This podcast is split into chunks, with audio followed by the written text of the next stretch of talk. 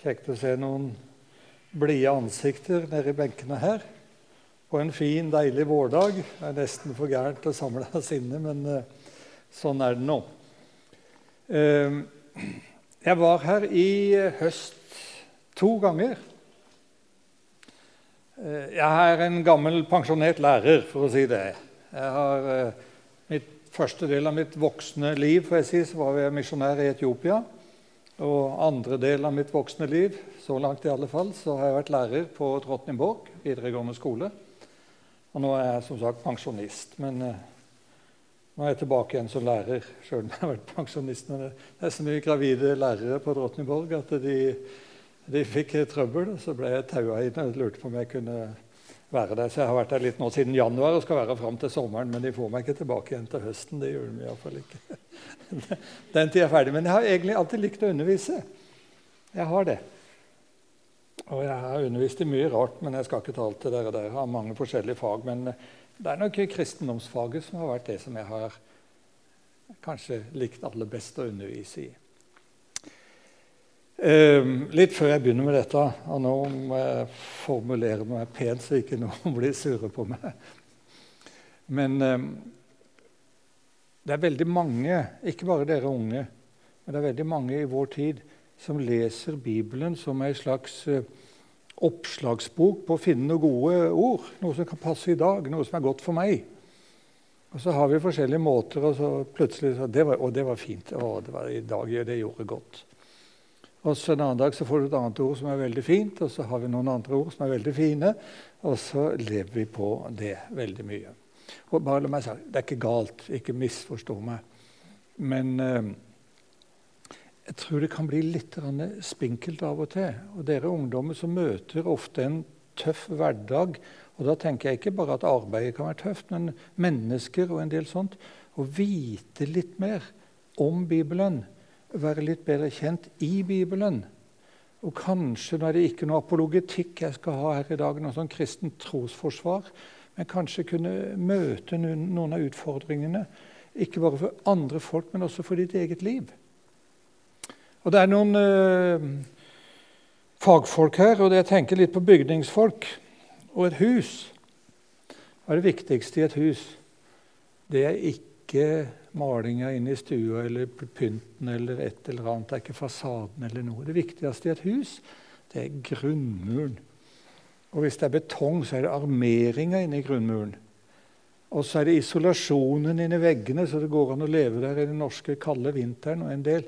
Og du ser ingenting av det. Du ser ingenting av det. Men det er på mange måter det viktigste. Fasade er greit nok, det. Men hvis ikke det som holder huset, det solide, hvis ikke det er på plass, så er det veldig lite Dere kjenner fortellingen fra da Jesus fortalte om han som bygde på fjellet og han som bygde på sand. Husker dere den fortellingen? Ja. Og det blir noe sånn altså, at Hvis vi bygger kristenlivet vårt bare på dette, litt her og litt der, og litt sånt, så kan det være litt vanskelig. Eh, når stormen kommer. Og nå skal ikke jeg bruke noe tid i det kveld på å snakke om stormer i kristenlivet. Det blir kanskje litt tørt og kjedelig. Jeg, redd, jeg vet ikke. Men jeg skal prøve å trekke fram I dag er det Filippi, menigheten, de kristne der, litt åssen de var.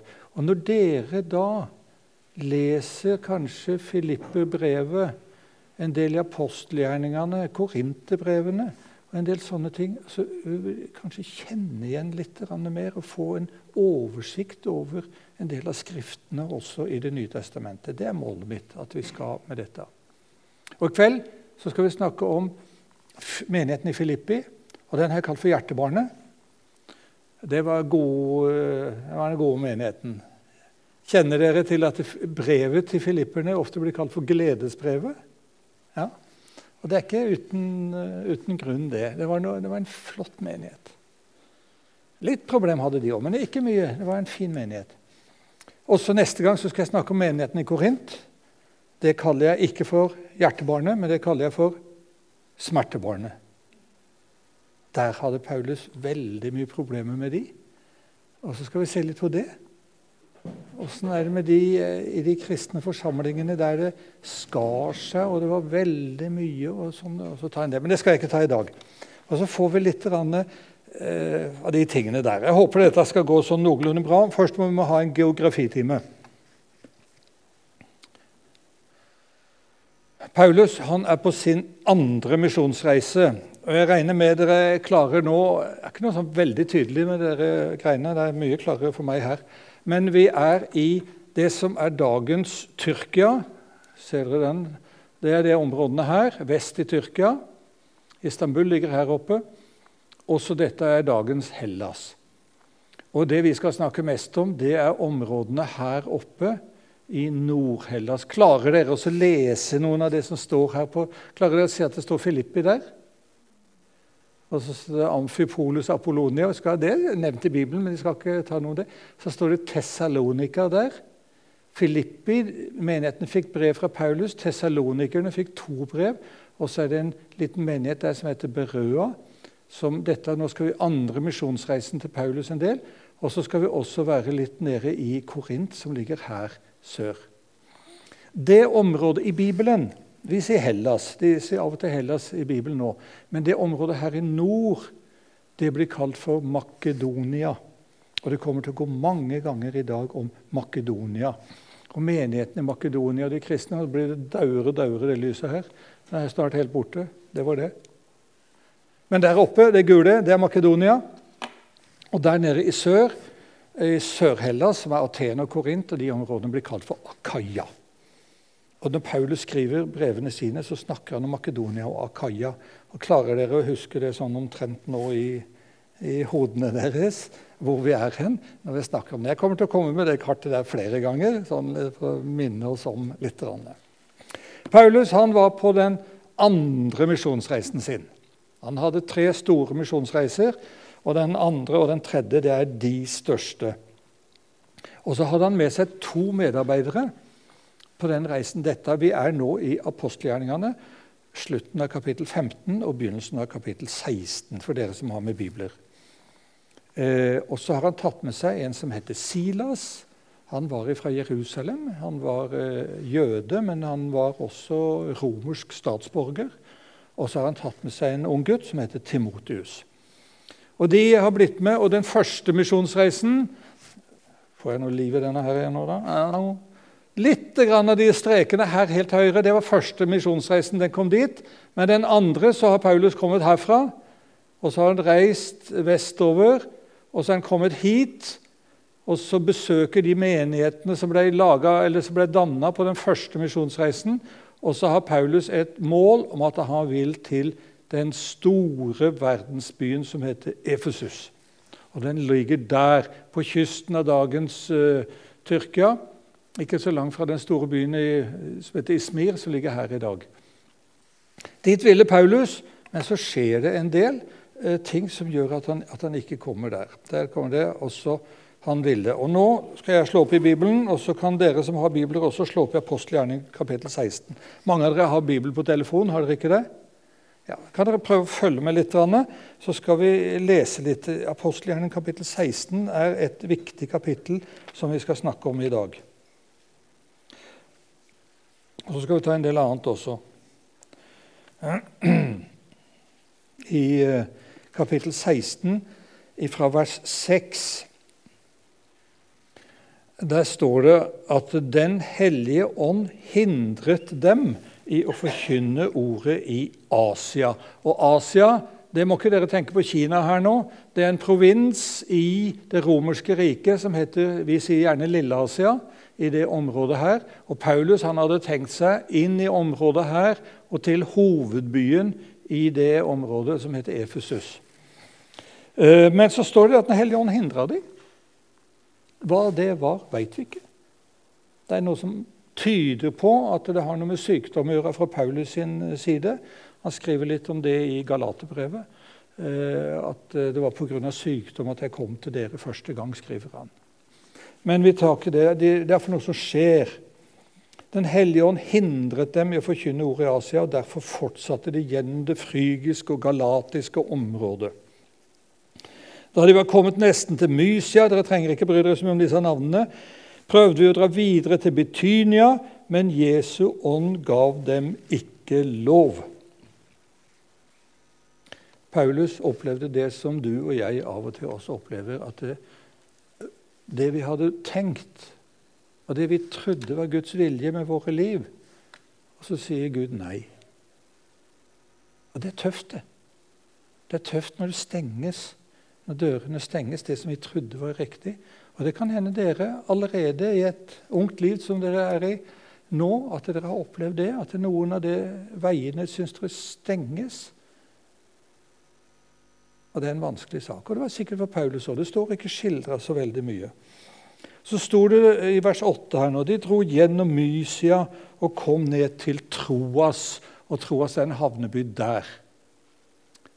En havneby som ligger oppe på der, altså. Der kom, dit kom Paulus, og han ante sikkert ikke hvorfor liksom det la seg til rette med akkurat det. Og så står det noe som skjedde i Troas den natta. Eller ei natt, er kanskje bedre å si. Det er ikke sikkert det var den første natta. Da om natten hadde Paulus et syn, og så ser han en mann, en fra Makedonia, en makedoner, som kalte på ham og ba kom over til Makedonia og hjelp oss. Der ligger Paulus og får ikke sove. Og så ser han liksom en mann som er fra området her, og så roper han til Paulus Kom over havet. Kom over til oss. Kom over og hjelp oss å forkynne. Og så ser han, sier Paulus at dette må være Guds, Guds mening. At det, at det er det vi skal. De roper på oss, de som aldri har hørt om Jesus. De roper på oss. Nå skal vi ha en norsktime. Jeg hat... Nei, huff da. Jeg, likte ikke norsk noe særlig når jeg sjøl gikk på skolen. Men det kan være litt viktig av og til. Er det noen norske studenter og norsklærere her? Ingen? Jeg tør ikke å si det. Nå skal jeg legge trykk, så nå tror jeg dere skal klare det. Om natten hadde Paulus et syn. Han så en makedoner som sto og kalte på ham og ba. Kom over til Makedonia og hjelp oss. Da han hadde hatt dette synet, forsøkte vi straks å komme til Makedonia for vi skjønte at Gud hadde kalt oss til å forkynne evangeliet der. Hørte dere skifta? Det står han, han, han, og så står det plutselig vi. Og hvem er vi? Hvem er det som skriver apostelgjerningene? Vet dere det? Det er Lukas. Det er Lukas, legen Lukas som skriver apostelgjerningene.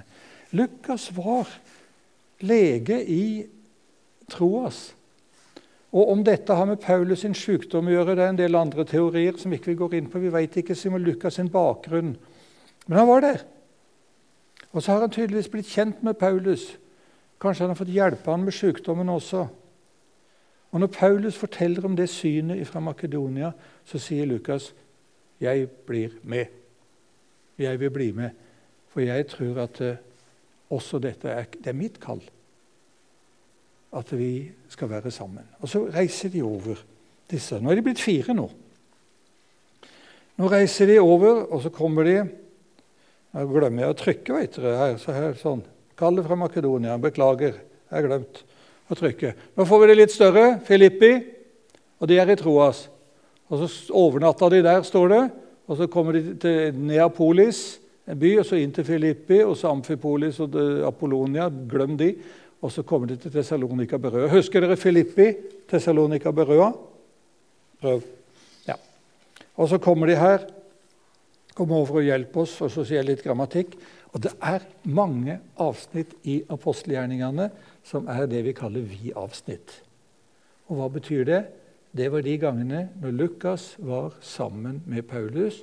Da skriver han ikke bare 'han, han, han', han, men da skriver han 'vi, vi, vi'. Og Det kommer vi til flere ganger når vi leser eh, men første gangen er her i kapittel 16. Og så er det kapittel 20 og utover. Og så var Lukas med når Paulus etter tredje misjonsreisen eh, reiste til Jerusalem. Og så er Lukas med på den store sjøturen til Roma, da Paulus var fange, skulle sendes til Roma som fange. Så er Lukas med. Vi, vi, vi, skriver han. Og så videre, og så videre. Sånne ting. Så kommer de først til den havnebyen som heter Neapolis, den nye byen. Og så står det veldig lite om det, nesten ingenting. Og så står det at de dro videre innover i landet står det, og kom til byen Filippi.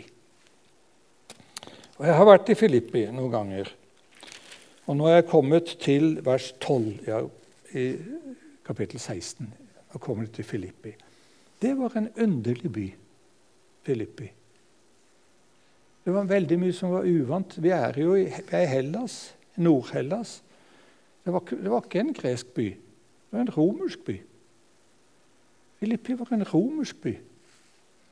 Og så kommer de Nå skal jeg ta helt jeg skal ta litt om bakgrunnen. Fins det noen her som er litt interessert i historie? Det var én.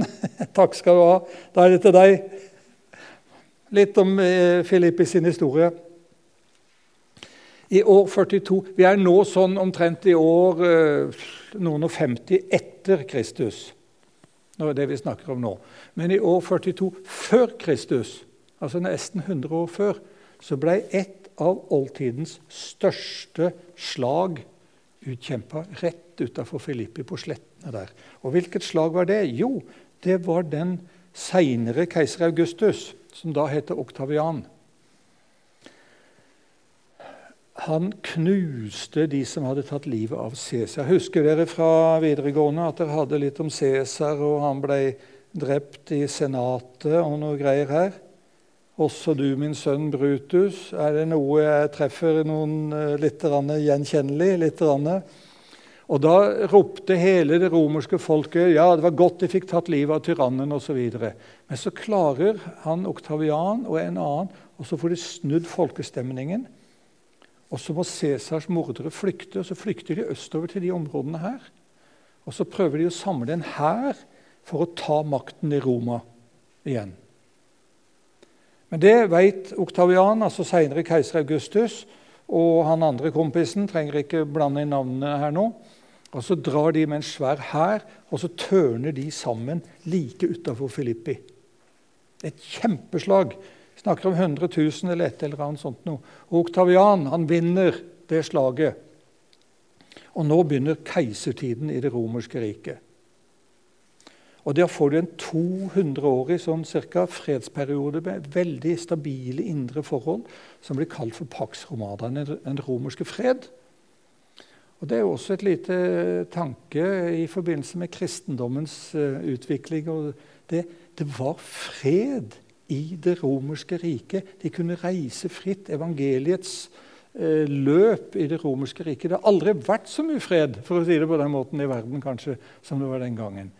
står nå i Galaterbrevet, skal ikke legge så mye vekt på det. I tidens fylde sendte Gud sin sønn, står det. Kanskje det var, det var fredsperioden som starta noen år tidligere her.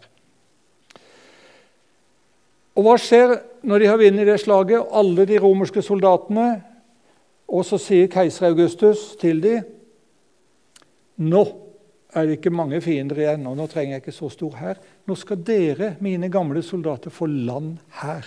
Slå dere ned her. Del opp jordene, det er flotte områder. Slå dere ned her og bygg en by. Lev her. Få et sivilt liv og sett i gang. Og så er det romerske soldater som bygger opp Det var en liten landsby rett ved siden av, som bygger opp den byen som blir kalt for Filippi. Det hadde vært en by før, det, men, litt, men det er romerske soldater som er grunnstammen. Og de som lever i Filippi på Paulus' i tid, det er barnebarna eller et eller annet sånt til de romerske soldatene. Og de er romere. De er romere. Og de lever som romere. Og de snakker mer latin enn de snakker gresk. Og de har altså en romersk kultur der når Paulus kommer dit. Litt blanding, det var det nå. Og Så kommer Paulus dit, og så vil han begynne. Og Hvor pleide alltid Paulus å starte når han kom til nye steder? Han gikk til synagogen. Han oppsøkte sitt eget folk, den jødiske synagogen, og gikk der og begynte å forkynne evangeliet. Det ser vi i kapitlene foran i apostelgjerningene. Om igjen og om igjen. om igjen, om igjen. Han går til synagogen. Det gjorde han ikke i Filippi. Og hvorfor gjorde han ikke det? Det var ingen synagoge i Filippi. Det var ingen synagoge der. Ikke i det hele tatt. Jødene har fra uminnelige tider hatt en lov at hvis det er ti jødiske familier i en by, et område, så må de ha en synagoge. Ti eller flere. De må det. Og det var ingen synagoge i Filippi, og dermed så vet vi at det var omtrent ingen, eller kanskje bare noen ganske få jøder der. Og hva skal Paulus gjøre da? Ja, Så begynner de å spørre litt og høre åssen by er dette, og bli litt kjent kanskje med noen folk. og Er det noen tilbedelse og noe også litt sånn? Ja, det er noen damer som pleier å gå utafor der. Bort med elv. De pleier visst å be til en eller annen gud som vi romere ikke kjenner så mye til. og noe sånn forskjellig. Og så forteller de her at, at på sabbatsdagen Nå er jeg i kapittel 16 fortsatt.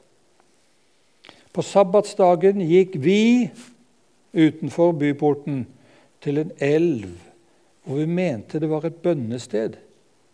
Der satte vi oss ned og talte til kvinnene som var samlet. Det ville kanskje ikke synes var så rart i dag. Den gangen var nok det litt spesielt. Det var bare noen damer der. Det var ikke så mye å skryte av det. Men de gikk nå dit, da. For de visste at det var noen som hadde et bønnested der. Og så gikk de for å snakke med disse damene. Det er den lille elva i dag. Og Her er sånn minnesmerke som er laga akkurat på den plassen. og De er ganske sikre på grunn av noen byporter og noe sånt, at det kan være 50 meter forskjell. Men de vet akkurat hvor dette her skjedde den gangen. Rett utafor bymuren i Filippi. Da går de der. Nå noen kvinner samla. Ei av de står det. Hun heter Lydia. Og Lydia var ei nokså rik dame. Hun solgte med purpur. Vet dere unge jenter hva purpur er for noe? Ja, det er noen sånne flotte tøyegreier. Det er sånn fiolett uh, Veldig flotte greier. Jeg har ikke greie på det, jeg, men jeg vet bare at det er veldig fint med purpur. Dyrt. Og der var Lydia og de andre damene. Og så står det litt om, om hva som skjedde med dem. At uh, de tok imot ordet. Det står 'Herren åpnet hennes hjerte'. står det. Og så tok imot evangeliet. De første kristne i det som vi kan kalle Europa det var noen damer utafor Filippi som hadde begynt der. Og så tar de imot Lydia. Herren åpnet hennes hjerte, så hun tok til seg det Paulus sa. Sammen med alle i sitt hus ble hun døpt, og hun ba oss Kom og bo i hjemmet mitt, så sant dere mener at jeg tror på Herren, står det. Og Da ser jeg for meg at Paulus han har vært litt beskjeden. Altså, Nei, vi kan jo ikke det. vi kan jo ikke Det vi, Det blir for mye. Vi er fire stykker, og vi kan ikke komme hjem til deg og bo der alle sammen. Nei, det går ikke. Og så står det her at hun overtalte oss til står det i denne oversettelsen, Egentlig står det mye sterkere. Hun nesten hun tvang oss til det. Det er en sånn dame som sier når hun har sagt noe, så bare blir det sånn. Bare vent dere mannfolk til om noen år. Så blir dere vant til det. Når fruen har sagt det, så er det bare til å gi seg med en gang. Står ingenting om at du spurte mannen en gang. Hun bare bestemte Lydia bo hjemme hos oss. Til slutt så, ja, så gjør de det. Og fikk det sikkert veldig flott. Det er hjemme hos Lydia. Og Da ble hun døpt, og så kom hun og bo i hjemmet mitt, står det. Men så ble det bråk. Ikke pga. Lydia. Men nå står det fortalt igjen videre, dere som har bibler, fra vers 16. Og så står det en gang litt seinere så gikk de til bønnestedet igjen, disse vennene våre, Paulus og de andre. Og så er det ei slavejente som følger etter dem. Ikke bare én gang, men flere ganger når de går ut til det bønnestedet. Hun roper etter dem. Og det å rope det er egentlig at de taler dette liksom, skal vi si, den høyeste Guds ord osv. Det er ikke noe galt i det hun sier, men Paulus han blir lei av de greiene her. Det står om hun jenta at hun var besatt av en ond ånd hadde en ond ånd i seg. Og Det ordet som står på gresk i den greske bibelen, jeg synes det er herlig, der står det hun hadde ei pytonånd. Det står det. Pneuma pytona står det på gresk. Hun hadde pytonånd, står det. Det kan dere huske. det. Hun, hadde, hun var besatt av noe vondt. Hun var slavejente. Og de som eide henne, de tjente masse penger på henne, står det. For hun kunne spå, spå om framtida, spå om alt mulig. Og Så snur Paulus seg mot hun der slavejenta og så sier han at du onde ånd, far ut av henne. Og så blir jenta frisk. Vi får bruke, Eller helbreda, eller blir fri fra den onde ånda, pytonånda. Og så skulle vi tro at alle ble glade. Men det gjorde de ikke. For de som eide den jenta, de begynte nå å tape penger. Jeg ser for meg at hun har vært utnytta på alle mulige måter. Både med spådomsånda si, at hun kunne spå framtid, og sikkert på mange mange andre måter. Og De har beherska henne, de eierne, og tjent masse penger på henne. Nå er hun fri fra den onde ånden, og hva skjer? De rike folkene de mister sin inntekt og blir rasende. Det er det de gjør. De blir rasende. Der røyk fortjenesten vår. Og det skal du være forsiktig med. Å tulle med fortjenesten og lønna til folk, det, det skal du være forsiktig med. Og så går det eh, gærent. Og så blir de sinte, og så tar de Paulus og de andre til fange, disse fire vennene våre, og drar de inn til byen, til myndighetene, og begynner å anklage dem. Og de har tre anklagepunkter på dem. Det første er de sier de er bråkmakere. Og så sier de det som er kanskje enda verre de er jøder. Det er skummelt med jødene. Jødene er alltid, i dag også Jødene vi kan bli skjelt ut for å være jøde, jøde. Det er ikke så ille i Norge, det er mye verre i andre land. I dag også. Jødiske synagoger. Da blir det skyting og blir det trakassering og alt mulig. Og De bruker et av de argumentene i Filippi også. Disse, de der, der er noe fremmede. Og så kommer de og snakker om noen skikker som vi romere ikke har lov til å følge, sier de. De snakker om én gud, mens vi romere vi, vi har massevis av guder. Og så er de jøder. Verre kan det ikke bli. Og så blir de rett og slett piska. Paulus og Silas, to av de i alle fall, blir piska. Og så blir de satt i fengsel.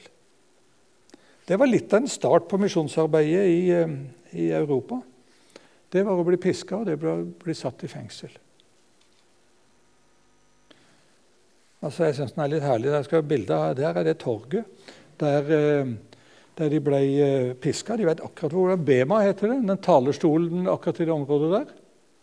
Dette er liksom selve torget, og så er det en del bygninger rundt. og blablabla fra I dag er det en ruinby. Det har med jordskjelv å gjøre, men akkurat på den plassen der ble de putta, putta i fengsel som de mener lå oppi her et sted. Og så sitter Hva skjer i det fengselet? Det er en av de kjente Nå skal jeg, jeg klokka går, men nå skal jeg kjøre litt fort på det. Så sitter våre venner midt på natta i fengsel og synger lovsanger. Tenk på det. De sitter og synger lovsanger. Nå er jeg fra vers 25 i kapittel 16. Ved midnattstider holdt Paulus og Silas bønn og sang lovsanger til Gud. Og fangene, altså de andre fangene, lyttet til dem, står det. Tenk på den ryggen som er piska så blodet renner, en ødelagt rygg mer eller mindre. Og så sitter de i fengselet og så lover de å takke Gud. Hadde vi klart det? Hadde vi klart det? Det er ingen som blir fengsla fordi de er kristne i Norge, men det kan hende at en del kan oppleve relativt tøffe ting på arbeidsplass, på skole, i studentmiljøet og litt sånn forskjellig. Ja, disse mannfolka her de sitter altså og synger lovsanger til Gud når alt går gærent for dem. Og så skjer det noe. Det kom et jordskjelv. Og så står det at det rista så mye. Det er eh, også i dag. En, for 20 år siden var det et veldig kraftig jordskjelv i dette området. her. Eh, så rista det så mye så står det at fengseldøren liksom datt av. Og så våkner han fangevokteren som er utafor. Han har sovna, han. Eh, og så våkner han, og så ser han den åpne døra, og så er han helt sikker på at fangen har rømt. Og hva var straffen for han hvis fanger rømte? Det var døden, det. Det var dødsstraff å la fanger slippe unna.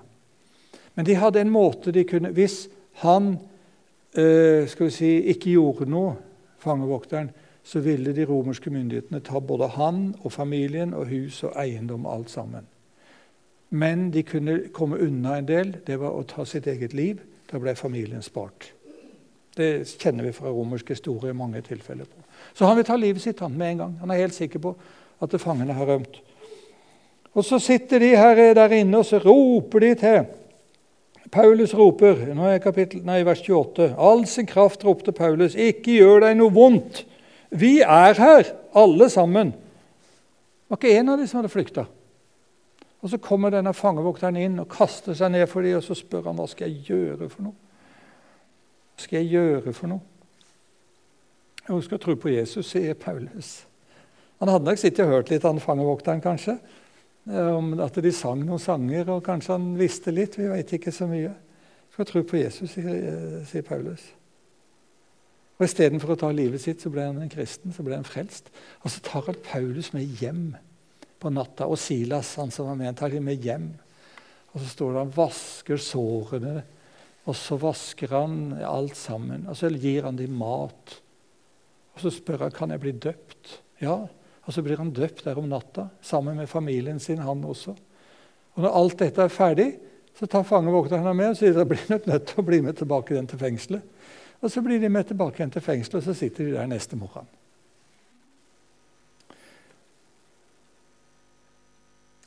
Neste dag Nå begynner det å skje litt i byen, skjønner dere. Da det var blitt dag, vers 35. Når det var blitt dag nå, så skjønner myndighetene i byen, de som hadde fått fengsla Paulus, så skjønner de at det var kanskje litt eh, meste laget det vi gjorde i går. Det kom litt plutselig på, vi reagerte så veldig. Så vi sender bud bort til fengselet og sier at det, det var litt dumt. det der, dere, dere kan bare reise. Bare reis. Vi setter dere fri. Dere kan reise. Og Så springer han der tjeneren i, i byen der, til, bort til fengselet. Og så sier han til Paulus og, de, og han fangevokteren at uh, de myndighetene i byen de har vært i greie nå, og så sier de at de, de, kan bare slippe fri. Så kan de få lov til å reise. Løslatt mennene, står det. Og så sitter Paulus inne Jeg skulle likt å vært der og sett den episoden. Så sitter Paulus der, og så får han høre det at dere kan bare gå. Og så sier Paulus nei takk, vi går ikke. De folkene der i byen, ordføreren og hele gjengen, de har piska romerske borgere uten at de er dømt for noe som helst. Paulus var romersk borger. Silas var romersk borger. De har piska oss som har hele den romerske stat i ryggen, som støtte Nei takk, vi flytter oss ikke, sier Paulus. De kan komme her sjøl og legge seg ned på gulvet og fortelle hva galt de har gjort. Så skal jeg vurdere litt. Det står ikke akkurat sånn i Bibelen, da, men sånn, omtrent sånn må det ha vært. Men det står 'nei takk', sier Paulus. Det gjør vi ikke. De kan komme sjøl. Og så må han der tjenestegutten fly tilbake igjen til de der sjefene i byen. Og så må han si 'Veit dere hva dere har gjort?' Nei, dere har piska romerske borgere. Og nå nekter han å reise. Han forlanger at dere skal komme sjøl og be om unnskyldning. Og så går de bort til her. De kunne fått sparken hele gjengen vet du, av det de hadde gjort. Det er Paulus som har kontrollen over dem. Fullstendig nå, altså. Og så går de bort i fengselet og så trygler de og ber og sier 'beklager, vi skulle aldri gjort det'. 'Kan du være så snill å reise her fra byen vår?' sier de. Jeg kan bare lese sjøl i Bibelen. Det står omtrent sånn. Og så sier Paulus ja, kanskje det, men jeg har god tid. Vær så snill. Vi vil ikke ha dere mer. Kan du reise? Beklager det vi gjorde. Skulle aldri ha gjort det. De trygler om å dra, sier de. Og så gir han seg god tid, Paulus. Og så sier han, men først så skal jeg gå hjem til Lydia. Og hvem var samla der? står det. Da de var ute av fengselet, gikk de hjem til Lydia, står det. Her traff de søsknene Det var ikke søsknene, det var de kristne. Og satte mot i dem. Paulus gir seg god tid, og så har han møte hjemme hos Lydia. og Så sier han dette er ikke noe farlig. Vi fikk vonde rygger, og vi fikk alt det der, men Gud har berga oss ut av det. Og så har de satt mot i de kristne. Nå må dere ha det godt. og Dere er en menighet her nå. Og nå må Gud være med dere, osv. For nå må vi reise videre. Det tror jeg vi skal gjøre, ellers så blir det bare mer bråk. Og litt sånn. Og så står det, og så dro de videre. Hører du det står 'de' nå, ikke 'vi'? Og hva blir logikken av det?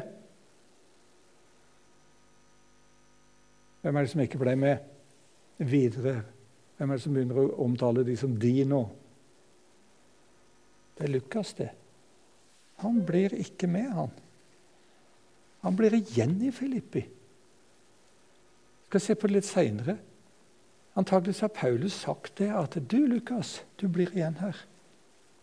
Du blir igjen her. De kristne, de unge, nye kristne, de trenger igjen støtte.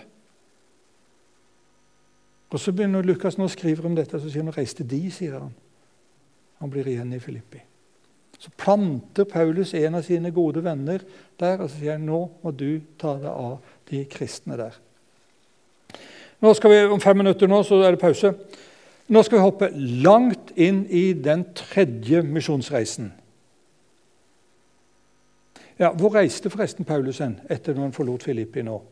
Han reiste vestover klarer dere kartet sånn noenlunde, til Tessalonika. Og I kapittel 17 så står det om det. Det skal ikke vi snakke noe om nå. Der står det om oppholdet i Tessalonika.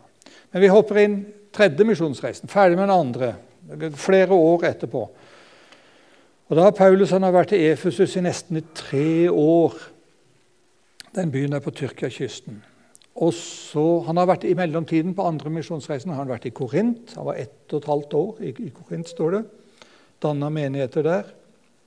Og Så sitter han i Efesus og så får han høre om bråk i Korint. Problemer. Og så har han skrevet til menigheten i Korint. Han har skrevet første korinterbrev. Er et tøft brev. Det, vent neste gang skal jeg få se. Det veldig eh, trist, vondt, vanskelig. Jeg vet ikke hva jeg skal si. Det, det han skriver til dem. Og så har han sendt både Timotus og Titus til Korint for å prøve å rydde opp. Og så sier han at han må reise sjøl. Han har faktisk vært der en gang, et besøk som vi vet ingenting om. Men nå sier han nå vil jeg sjøl reise til Korint og prøve å rydde opp. Og så legger han veien Skal vi se om vi kan snart få opp et lite kart igjen. Han kunne reist rett over Han har vært i Efesus nå lenge og kunne reist rett over til Korint. Men han gjør ikke det. Han sier jeg må dra nordover for å besøke menighetene rundt om her nå. Om jeg besøker menighetene her og ser åssen det går med dem, sette mot i dem, oppmuntre dem, og det før jeg skal ned til Korint. Han tar den lange omveien der. I dag ville det være mer naturlig. Den gangen var det mest naturlig å ta båten. Det var bare noen få dagsreiser. Og Istedenfor å bare ved å ta den kjappe reisa, så setter han, tar han turen rundt der. Og så han, er han nå oppe i Makedonia og besøker menighetene i Filippi, i Tessalonika og i Berøa. Og Nå tar vi en liten pause, kan vi det? Så skal jeg ikke holde på så lenge etterpå. Men nå skal vi gå litt inn i Nå har dere litt om historien om menigheten, hvordan den ble danna i Filippi. Og så skal vi ta noen episoder som dukker fram i en del andre sammenhenger etterpå.